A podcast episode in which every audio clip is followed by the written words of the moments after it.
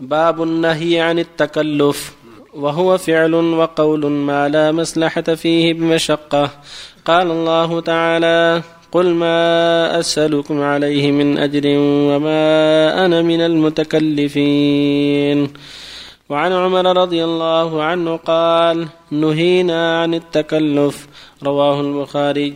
وعن مسروق قال دخلنا على عبد الله بن مسعود رضي الله عنه فقال يا أيها الناس من علم شيئا فليقل به ومن لم يعلم فليقل الله أعلم. فإن من العلم أن تقول لما لا تعلم والله أعلم. قال الله تعالى لنبيه صلى الله عليه وسلم قل ما أسألكم عليه من أجر وما أنا من المتكلفين. رواه البخاري. وبالله التوفيق. الحمد لله صلى الله وسلم على رسول الله وعلى آله وأصحابه ومن اهتدى بهداه أما بعد فهذان الحديثان مع الآية الكريمة كلها تدل على النهي عن التكلف.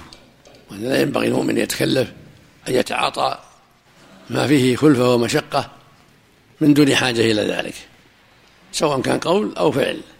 بل ينبغي له أن يعود نفسه السماح وعدم التكلف في القول والعمل في طعامه وشرابه وأقواله وأحاديثه مع إخوانه لا يكون فيها تكلف بل يكون بها السماح والتيسير في كل شيء.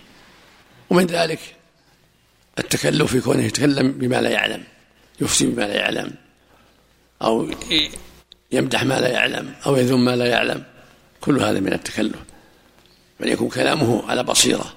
مدحه على بصيرة ذمه على بصيرة وإلا فليحذر وليتوقف يقول الله جل وعلا قل ما أسألكم على المجد وما أنا متكلف قل يعني قل يا محمد الناس ما أسألكم عليه من أجر. يعني على تبليغ الحق والدعوة إليه وتعليمكم وإرشادكم. يعني ما أطلب وراكم شيء هو يعلمهم ويرشدهم من دون حاجة إليهم. وما أنا من المتكلفين من يتكلف ما لم يؤمر به. وما لم يشرع له. عمر يقول رضي الله عنه نهينا عن التكلف. ابن مسعود يقول من كان عنده علم فليقل به ولا لا يتكلف. يعني لا يقول بغير علم يفتي بغير علم يمدح بغير علم يذم بغير علم ولكن يتأمل وينظر حتى لا يتكلم إلا عن بصيرة وحتى لا يقول إلا عن بصيرة وحتى لا يقع في التكلف والتشدد. من دون علم ولا بصيرة. الله يحسن عملك. وفق الله الجميع الله يحسن عملك. هل من التكلف السؤال عن حكمة الأمر أو حكمة النهي في أي في الأوامر والنواهي؟ لا ما هو من يتكلف. إذا سأل عما يظهر ليزداد علما ويزداد بصيرة. لا بأس نعم. لكن قد يكون بعض الأشياء فإذا خفي لا يتكلف. لا يقول الله أعلم. الحمد لله. هذا من صفة الجهل يا شيخ؟ من صفة الجهل؟ التكلف من الجهل من الجهل من الجهل ينشأ عن الجهل نعم.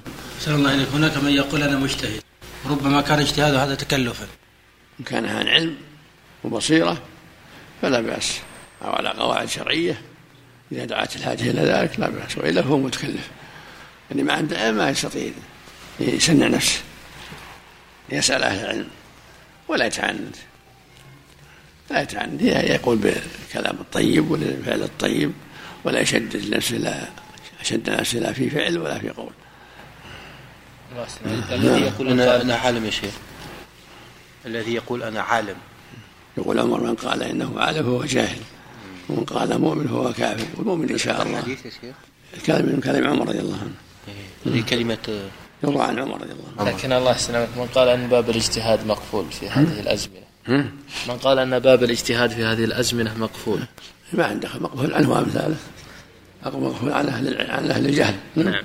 وهو مقفول عن أهل إلا إلا أن يبعث الله الريح الطيبة حتى تقبض أرواح المؤمنين والمؤمنات ولا يبقى إلا الأشرار. يقول بناء على أنه عدم توا... عدم توافر شروط المجتهد. الله إذا ما إذا ما توفرت فيه توافر في غيره.